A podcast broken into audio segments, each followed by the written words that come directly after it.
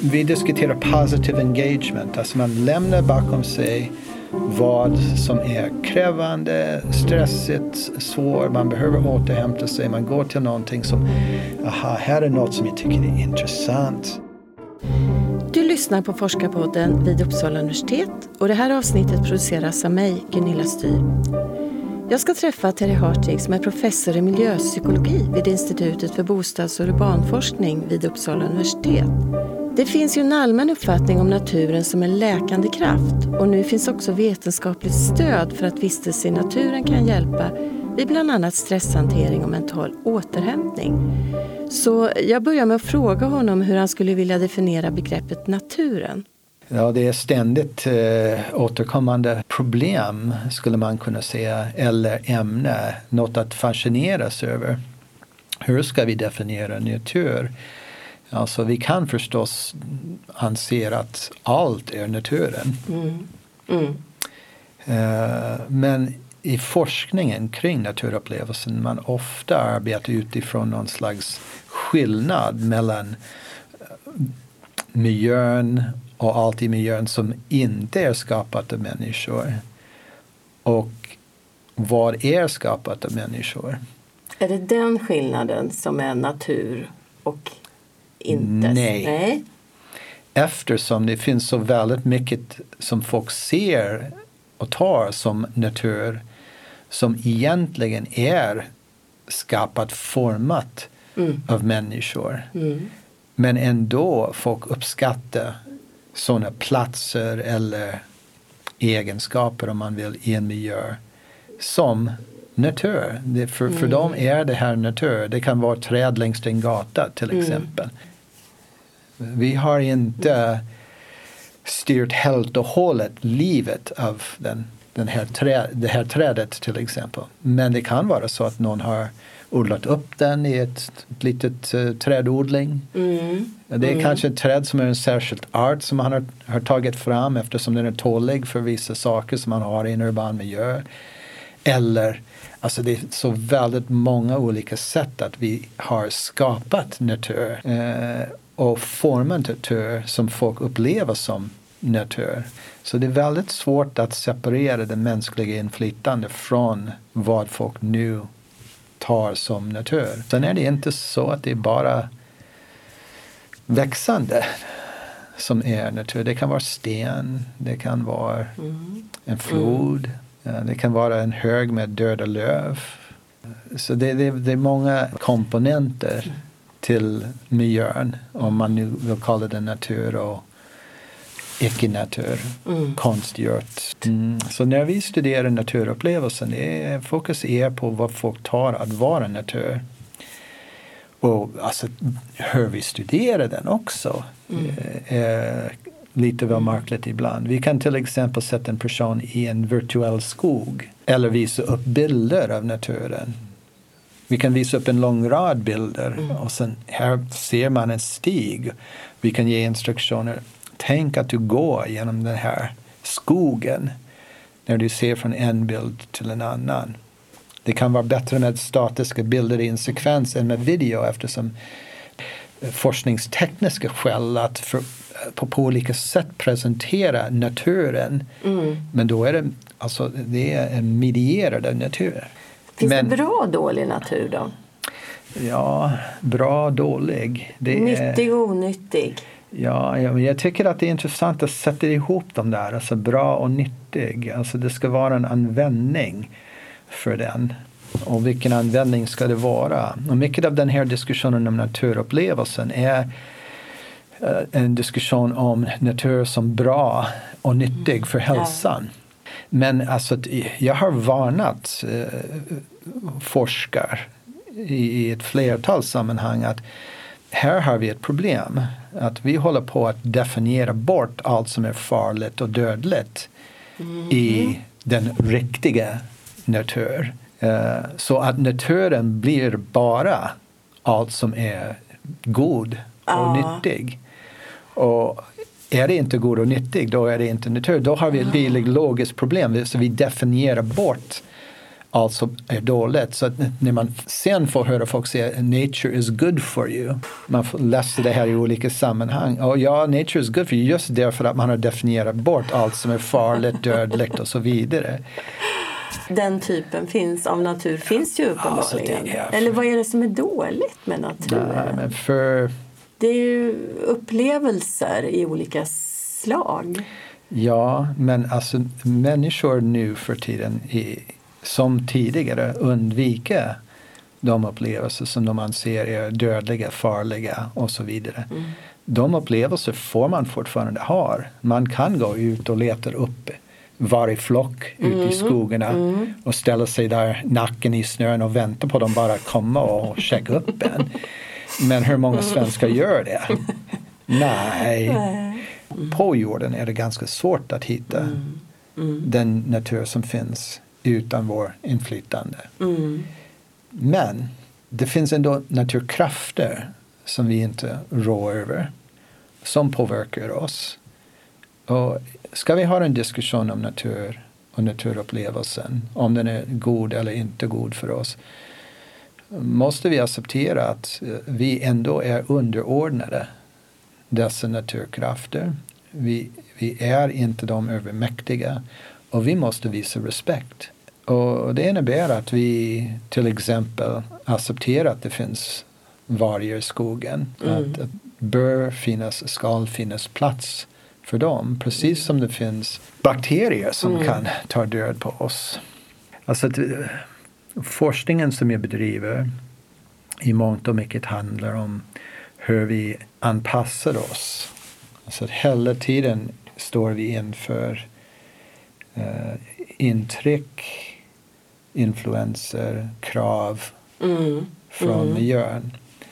Och vissa av dem är rätt så oväsentliga så det är ingen större utmaning att till exempel det känns lite kallt i kontoret när man tar på sig en tröja. Mm. Men uh, ibland är vi utsatt för stora påfrestningar under lång tid. Alltså till exempel man jobbar i ett kontorsmiljö och sätter där en massa andra folk runt om sig som pratar hela tiden i telefonen. Man har det här jobbet som måste göras och man kan inte koncentrera. Fast man måste koncentrera kan man inte koncentrera eftersom det finns en massa folk runt om sig som pratar i telefon och så vidare. Och så vidare. Mm. Och det här pågår dag efter dag, mm. vecka efter mm. vecka. Mm. Och man känner sig rätt slut efter arbetsdagen. Det är en anpassningsfråga. Vi har ofta diskuterat stress och coping mm. som komponenter och aspekter av anpassningsprocessen. Jag intresserar mig för återhämtning mm. som en annan aspekt mm. av anpassning. Så stress, coping, återhämtning, det är tre olika sätt att se på anpassning. Och som tillämpad psykolog, alltså den som vill använda psykologisk kunskap för att förbättra miljön, ser jag att det finns väldigt mycket vi har gjort utifrån ett stressperspektiv att förbättra miljön. Mm. Så till exempel mm. ljuddämpande material i ett kontorsmiljö eller att man har bättre värme i ett mm. hus så att folk känner sig inte så frusen hela tiden. Mm. bättre isolering. Alltså det är väldigt, väldigt många saker som vi har under alla årtusenden gjort för att förbättra vår miljö eller ändra vår miljö så att de är mindre krävande, mindre stressfulla. Mm. Mm. Och det där kan i sig själv ses som coping. Mm. Vi, vi ha, försöker hantera de här olika kraven från miljön. Samtidigt som alltså man, man kan ta bort stressiga situationer eller aspekter av miljön. Men ändå, alltså vi, vi gör arbetet. Vi använder de resurser som vi behöver för att klara av de krav som vi har tagit på oss. Så vi kan inte bygga bort stress. Stressen finns. På ett eller annat sätt ja. ska den finnas. Vi måste lära oss att hantera den och återhämta oss ifrån den. Exakt. Och att hantera stress ibland är att minska problem i miljön, alltså få mm. bort stressorerna. Mm. Men ibland är det okej, okay, vi måste se till att vi har bra möjligheter för återhämtning. Uh, och mycket av diskussionen om natur och hälsa handlar just om hur ska vi se till att vi har möjligheter för naturupplevelser som mm. kan främja återhämtning. Mm. Ja, för många, inte alla, är hemmiljön platsen där man förväntar sig få återhämtning. Så även om man kan till exempel inte gå ut till en park eftersom ja, det är minus 25 mm. ute och två meter snö och mm. vargar. Vad vet jag? ja, de där vargarna de dyker upp lite de överallt. Det är väldigt onyttigt. ja, vi är väldigt nyttiga för dem om de får tag på. Nej, men alltså man kan inte gå ut till den gröna naturen som många tänker på. Men ja, man kan ta sig hem. Och har man inte massa krav, man har små barn till exempel eller annat. För, mm. för många, ja, de har de har utrustat hemmet, de har inrett hemmet så att det är en bra plats för återhämtning. En, en favoritfåtölj, alltså musiken som man vill lyssna till. När jag studerar återhämtning som en aspekt av anpassning, det är en process som kan, och en, en familjeprocesser egentligen, mm som kan pågå i, i väldigt många olika miljöer. Men mm. det är mm. ofta naturen som man förknippar med återhämtning och mm. hemmet som man förknippar med återhämtning. Mm. Men viktigt i sammanhanget är att natur som en restaurativ miljö är restaurativ i förhållande till något annat. Hemmet är restaurativt i förhållande till något annat. Ja, du måste förflytta dig alltså från ett ställe till ett annat. Annars så blir det inte den här återhämtningen. Precis, så att mm om man har alltså, många krav i sin burriga kontorsmiljö mm. Att förflytta sig hemma eller ut till naturen. Mm. Man förflyttar sig till ett ställe där man kommer ifrån den där stressiga, burriga miljön. Och det är en aspekt av återhämtning som är väldigt viktig. Man kommer ifrån. Förflyttningen skulle kunna innebära att man är i sin plats i sin kontorsmiljö men tar på sig någon hörlurar och sen Lyssna på musik. Lyssna på musik Kanske? eller ja. lyssna på naturljud. Ja. Det var en ja. student som jag arbetade med en gång i tiden och för hennes doktorsavhandling hade hon tittat på folk som lyssnar på vatten och tittade på naturbilder och jämförde med då vanliga kontorsljud. Det behövs inte vara en stor fysisk förflyttning men det finns en förflyttning. Och förflyttning det är inte bara att man kommer ifrån stressad. Det är att man får till något som är engagerande. Så den här processen av återhämtning det är någon slags dynamik mellan att komma ifrån att gå till. Och man går till någonting som håller sig kvar just i den miljön. Så man förflyttar sig till naturen till exempel. Mm. Finns det då något som är vackert som man vill titta på? som kan engagera en. Mm.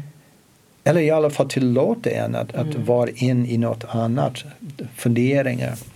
Vi nyligen, alltså kollegor i Australien och jag hade publicerat en artikel i Journal of Environmental Psychology som handlar om naturupplevelsen och återhämtning och kreativitet. Och där eh, tar vi upp just det här att när man är ute i naturen, ibland tittar man upp och ser att ah, men det är vackra träd. Mm. Men det är inte bara som man går runt där och sen tittar på träd hela tiden och är upptagen med det. Alltså ibland går man in i sina egna tankar. Mm. Och så man kan glida in och ut. Alltså mm. Ibland är man upptagen av ja, men här finns något vackert och titta på den moln som flyger förbi. Och ibland är man inne i sina egna tankar och funderingar.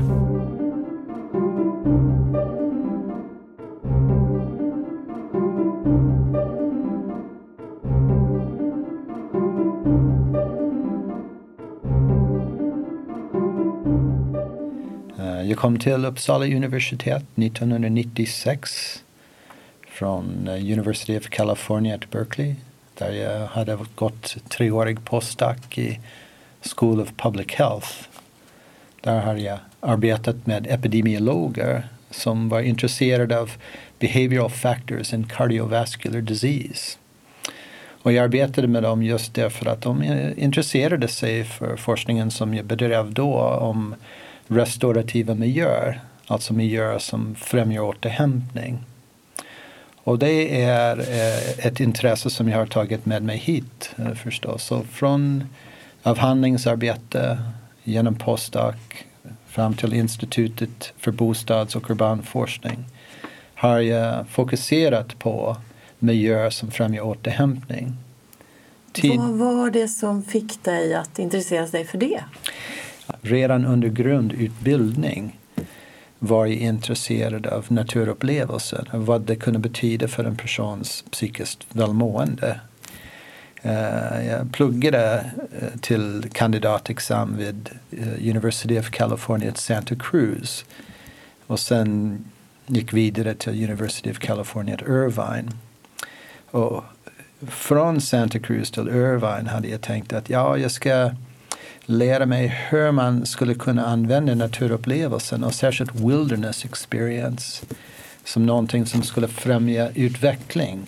Särskilt bland unga vuxna eller tonåringar. Alltså, Wilderness experience? Ja, särskilt amerikanskt begrepp egentligen. Den här idén att man är ute i vildmarken, i, i den naturen som är orörd. Eller i alla fall som ser ut som den är orörd. Långt ut i skogen eller långt ut i i bergtrakterna. Var du särskilt intresserad själv av det? Ja, jag hade kommit in på det här just därför att jag själv hade haft så kallade wilderness experiences som var särskilt stark, som påverkade mig så väldigt mycket. Att vandra i Sierra Nevada-fjällen eller bergen i, i uh, Kalifornien. Nej, jag hade vandrat uh, några gånger och tyckte att det var uh, alltså fantastisk upplevelse. Och krävande och svår och ibland riskfylld. Och, ensam? Nej, med andra och sen senare mycket ensam.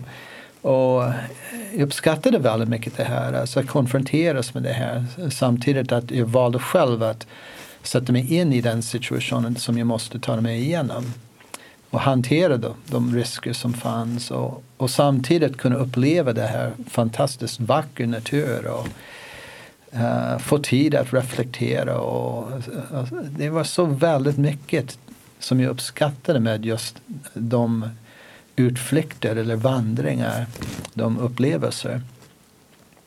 Och jag insåg att här fanns något som var potentiellt viktigt och bra för andra. Ja, det är förstås mm. många andra mm. som hade insett det här tidigare men jag tänkte att men det här är kanske någonting som jag kan arbeta med. Mm. Men när jag blev doktorand på Irvine, School of Social Ecology, dåvarande program i Social Ecology, då insåg jag att naturupplevelsen är långt mer än vildmarksupplevelsen. Att det finns också mycket att intressera sig för hur folk upplever naturen i vardagen. Men om man säger att alla hade samma möjligheter, skulle det vara enklast med naturen för att få återhämtning? Är det något som visar på det? Eller är musik lika bra? Eller konst? Ja, eller? Bra fråga om musik är lika bra. Vi har inte haft de jämförelser. Mm. Alltså, de jämförelser som man har sett oftast handlar om folk som är ute och går i naturen, till exempel i en park eller längs med en gata i en stad. Och den jämförelsen formuleras som natur kontra urban miljö. Men vi såg att under, under promenaden mm. så blodtrycket gick upp när de gick längs med gatan. gatan. Och det gick ner när de var ute i naturreservat. Det, det, är många som tycker att det här handlar om utveckling. Att människor utvecklades alltså som, som art mm. i miljöer som vi nu skulle anse är natur. Och att vi inte är anpassade att vara i en urban miljö. Mm. Eftersom mm. vi har fortfarande den här stenålders grått man, ja, kvinna, precis. kropp. Jag håller inte med den här eh, sättet att argumentera. Jag tycker att det är alldeles för enkelt. Det, det är lite som om folk förutsätter att ja, men mänsklig utveckling det stannade av för några hundratusen år sedan när vi var på savannen. Vi har mm. inte utvecklat någonting sedan Nej, dess. Precis. Och, och det, det, är inte rätt. Eh, Hur skulle du vilja se det då? Jag, jag skulle se, tro att vi har med oss från en Eh, evolutionär utveckling vissa egenskaper som är relevant. Mm. Eh, men det är rätt trivialt att, att, att påstå så. Vi diskuterar positive engagement, alltså man lämnar bakom sig vad som är krävande, stressigt, mm. svårt, man behöver mm. återhämta sig, man går till någonting som, aha, här är något som jag tycker är intressant, mm. något som jag tycker är vackert, mm. något som jag kan fördjupa mig i, något som till exempel erbjuder en, en fin eh, stimulering för, för olika uh, sinnen. Mm, sinnen ja. Mm. och så vidare. Så den, här, den här miljön som jag har gått in i håller mig i den. Det är lättare mm. att hålla mig bort mentalt från vad jag har lämnat bakom mig. Men det här är ju också lite svårt beroende på om man är väldigt stressad så kanske man inte ser det här som man hamnar i liksom, oavsett hur vackert och, och mm. lugnt den är.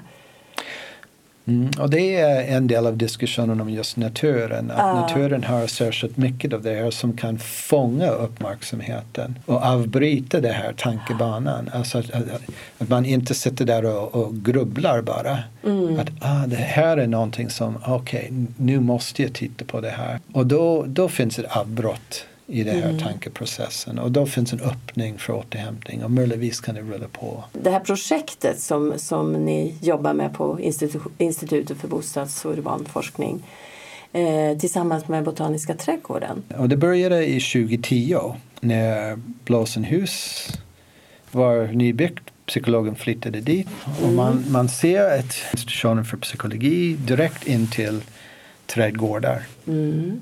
Fina trädgårdar. Man har en enhet för klinisk undervisning. Man ser möjligheter för att använda trädgårdarna i en klinisk undervisning, mm. i forskning och så vidare. Men där nere hade ni ju Stadsparken. Ja, den hade jag använt i olika experiment Den har också. du använt i ja. olika, ja. Med studenter som skrev uppsatser för psykologexamensuppsatser på programmet. Men uh, nu var det något annat. Här såg vi möjligheten att uh, utveckla eh, ett system. Så vi tog kontakt med Mats Block som är trädgårdsdirektören och han är en väldigt entusiastisk och sympatisk man. Han tyckte också att här har vi något fint att utveckla. Alltså. Så att det är inte bara att man har satt ner en koloss, en big koloss mitt framför oss här vid trädgården. Alltså det här kan vara något bra. Uh. Eh, så vi började diskutera ett samarbete där studenter som ska skriva examensuppsats skulle kunna göra något projekt som innebär att man använder trädgårdarna på ett mm. eller ett annat sätt. Mm. Och sedan 2012 har vi haft eh, en doktorand anknutet till projektet. Han heter Freddy Lemeas och han har gått programmet tidigare och skrev då uh, hans examensarbete 2007 blev han färdig med den. Han skrev om hur man kan använda nature imagery för att stödja mindfulness meditation. Skulle det vara så att, att ta till sig meditationsfärdigheter. Meditationen, ja. ja. Det handlar om meditation i kombination med natur, ja, precis. naturen. Eller? Ja, naturen skulle kunna underlätta det. Okej. Uh, och han har fortsatt med den idén. Så att mm. hans avhandlingsarbete handlar om ett sätt att lära ut meditationsfärdigheter med mm. stöd av naturen. Mm. Kontra en konventionell träning. Av bara meditation? Meditation inomhus. Ja. Och, och skillnaden är att erbjöd uh, studenter med självupplevd stress och uppmärksamhetsproblem en kurs i meditation. Mm. Mindfulness meditation. Och Freddie hade utvecklat en kursvariant som han kallar Restoration Skills Training. Och den här varianten innebär att man mediterar eh, med utåtriktat övningar. Alltså man riktar inte uppmärksamheten inåt och försöker kontrollera. Man låter den gå utåt till vad finns i miljön sätt att lugna sig, att, att man ändå kan uh, tillämpa mm. i många olika mm. situationer. Mm. Samtidigt som vi ser att det här samarbetet med trädgårdarna kan inrymma mycket annat. Uh, så vi har öppnat diskussioner med flera andra runt om här vid Uppsala universitet. Vi har även börjat diskussioner med folk på Campus Gotland eftersom där finns även Botanisk trädgård fast under regi av de badade vännerna. Ett, mm. ett uh, idealförening eller sällskap om man vill. Med idén att uh, trädgårdarna finns uh, som platser för naturupplevelser mm. för många Uppsalabor och besökare till Uppsala och Visbybor och besökare. Mm. Samtidigt är det en plats för forskning och undervisning. Och mer och mer blir det viktigt som plats för undervisning om biologisk mångfald mm. och alla möjliga hot till biologisk mångfald. Så en idé som vi arbetar med är hur kan vi bygga på den här positiva upplevelsen som folk söker i trädgårdarna för att få dem att lättare ta till sig kunskap om miljön inklusive mm. biologisk mångfald. Ja, det, det, är omfattande förändringar på mm. gång i många städer.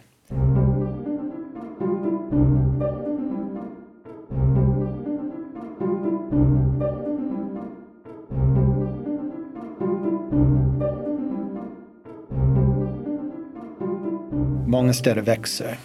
Mm. Och i många städer då har man en diskussion om hur tätt kan vi bygga. Så det, är, det finns en ökning befolkning i städer. Samtidigt finns ett försök att förtäta. Samtidigt som det är många som inser att nu bygger vi bort möjligheten att uppleva natur. Och det är många som är bekymrade över det här. Och då är den här sortens forskning mycket använt. Det är mm. många grupper som argumenterar för att bevara naturen eller gör naturen tillgängligt som använder den här forskningen som säger titta här, här har vi vetenskap som säger att ja, tillgång till naturen det kan vara bra för fysisk aktivitet och det ska vara bra för hälsa. Tillgång till naturen det kan vara bra för att man kommer ut från hemmet och träffar andra och, och har ett eh, sunt socialt uh, umgänge mm. i närområdet. Mm. Uh, titta här, här finns forskning som tyder på att naturupplevelsen är bra för återhämtning. Att det, det speglas i till exempel inte bara hur folk ser att de mår men även i hur de kan prestera på standardiserade kognitiva uppgifter som tyder på att ja, men uppmärksamhet, arbetsminne och så vidare blir bättre om man får återhämta sig i naturen mm. jämfört med andra möjligheter. Sån forskning tillämpas väldigt mycket i den här debatten kring förtätning lite överallt. Mm. Det finns till exempel för några år sedan en rapport från uh, European Commissions uh, Directorate General for Research and Innovation som handlar om renaturing cities. Och den här renaturing process, en del av den handlar om hur ska vi förbereda oss för de negativa konsekvenser av klimatförändring. Mm. Uh, hur kan vi använda natur till exempel att fånga upp mer koldioxid. Mm.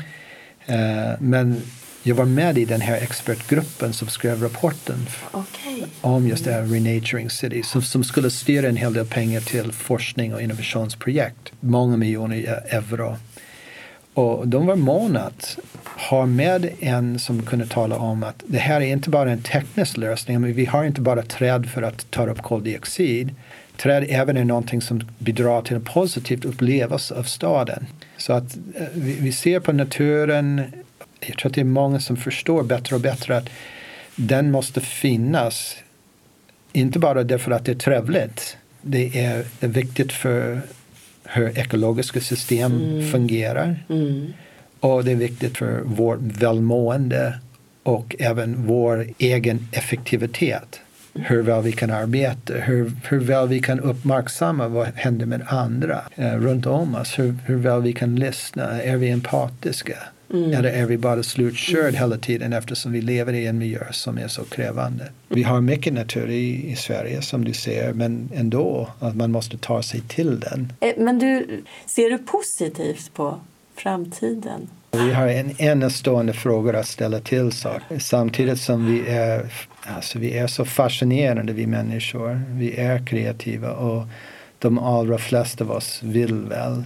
Vill väl ja. Och bry oss om andra och, och inser att genom hur vi utformar miljön kan vi göra saker bättre. Problemet är alltså att det, vissa av dem som har ett ansvar för utformningen av miljön har inte bra kontakt med andra som forskar om hur miljön påverkar oss och hur vi påverkar miljön.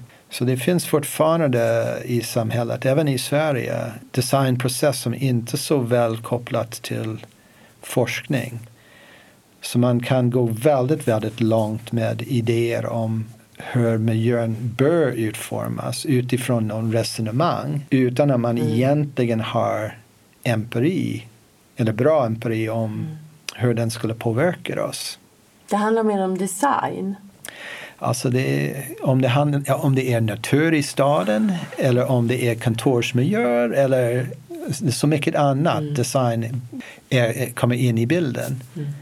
Så aktivitetsbaserat kontor till exempel. Det är intressant. Det är intressant att se hur många flyttas in i sådana mm. miljöer nu för tiden. Mm. Mm. Och det finns ett resonemang om varför det ska vara bra.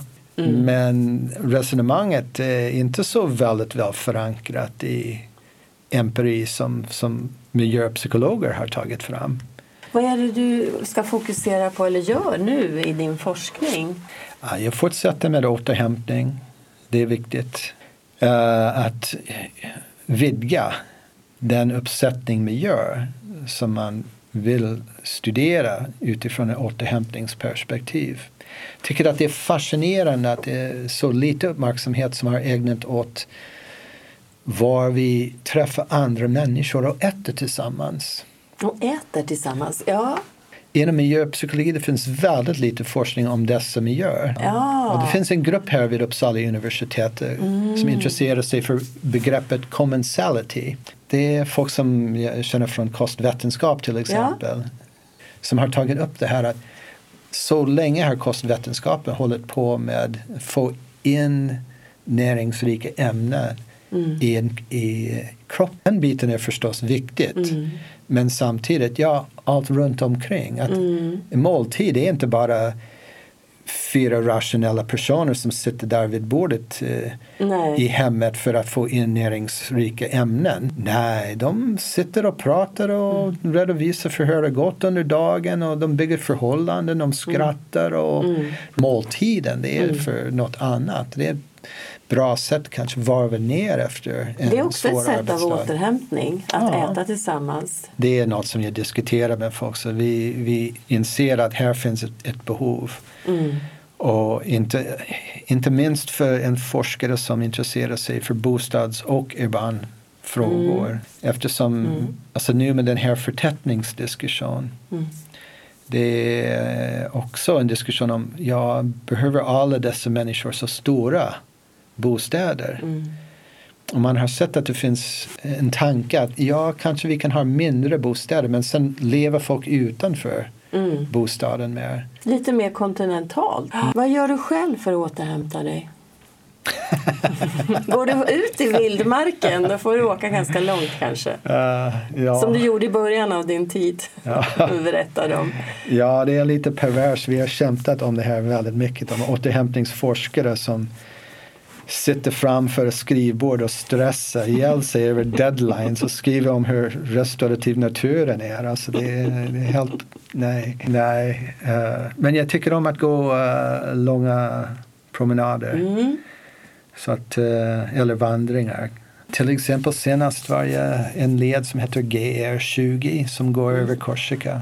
Jaha, det, det är inte, nej precis, det är inte bara runt kvarteret? Eller? Nej, men sen är det är svårt att organisera så att är, man måste se till att avsätta ett antal veckor att, att gå. Ja, det är så långa sträckor? Ja, men det kan bli. Det kan bli flera månader. Som du är ute och går? Ja. Men alltså den här är, det går tillbaka till den här intresset för wilderness experience. Ja. Och det är vi som vi pratar om dos. Man ska få en dos av natur. Mm. Och sen är det forskare som vill gärna sätta sig in i den här frågan. Hur mycket tid i naturen behöver du att må bra? Och hur mycket tid behöver du regelbundet för att det ska speglas i bättre hälsa på sikt? Och jag kan förstå det här sättet. Jag har varit med i de här diskussionerna. Mm. Men samtidigt har jag varit väldigt kritisk mot den här idén om dos. Alltså som om naturen är bara någon enkel sak som vi mm. sätter in i kroppen igen. Mm. De här långa vandringar till exempel. En person kan gå en lång vandring och från dag till dag det kan vara en fantastisk upplevelse eller det kan vara pest. Mm. Och man, man känner sig väldigt utsatt, helt slut, trött på det hela. Alltså, det är inte, inte ren nöja. Men den vandringen och, och mötet med naturen i sammanhanget kan ha en betydelse. Man kan inte träffa eh, eller mätta i någon slags eftermätning direkt efteråt. Men möjligtvis 15 år senare den personens utvecklingsprocess eh, den har kommit in i den på ett sätt som, som har stora och viktiga implikationer. Hur personen ser på livet. Liv, nu är det svårt. Men jag har gått den här långa vandringen. Jag vet hur det är att mm. fortsätta. Sätta en fot framför den andra. Ta sig upp den där mm. backen. Gå genom regnet. Utmana sig själv eller inse att man måste bara fortsätta, mm. att det mm. kommer att bli bättre och att mm. man har erfarenhet med att att fortsätta trots att det är svårt. Träning är att, att förstå vad man själv kan, mm. kan göra.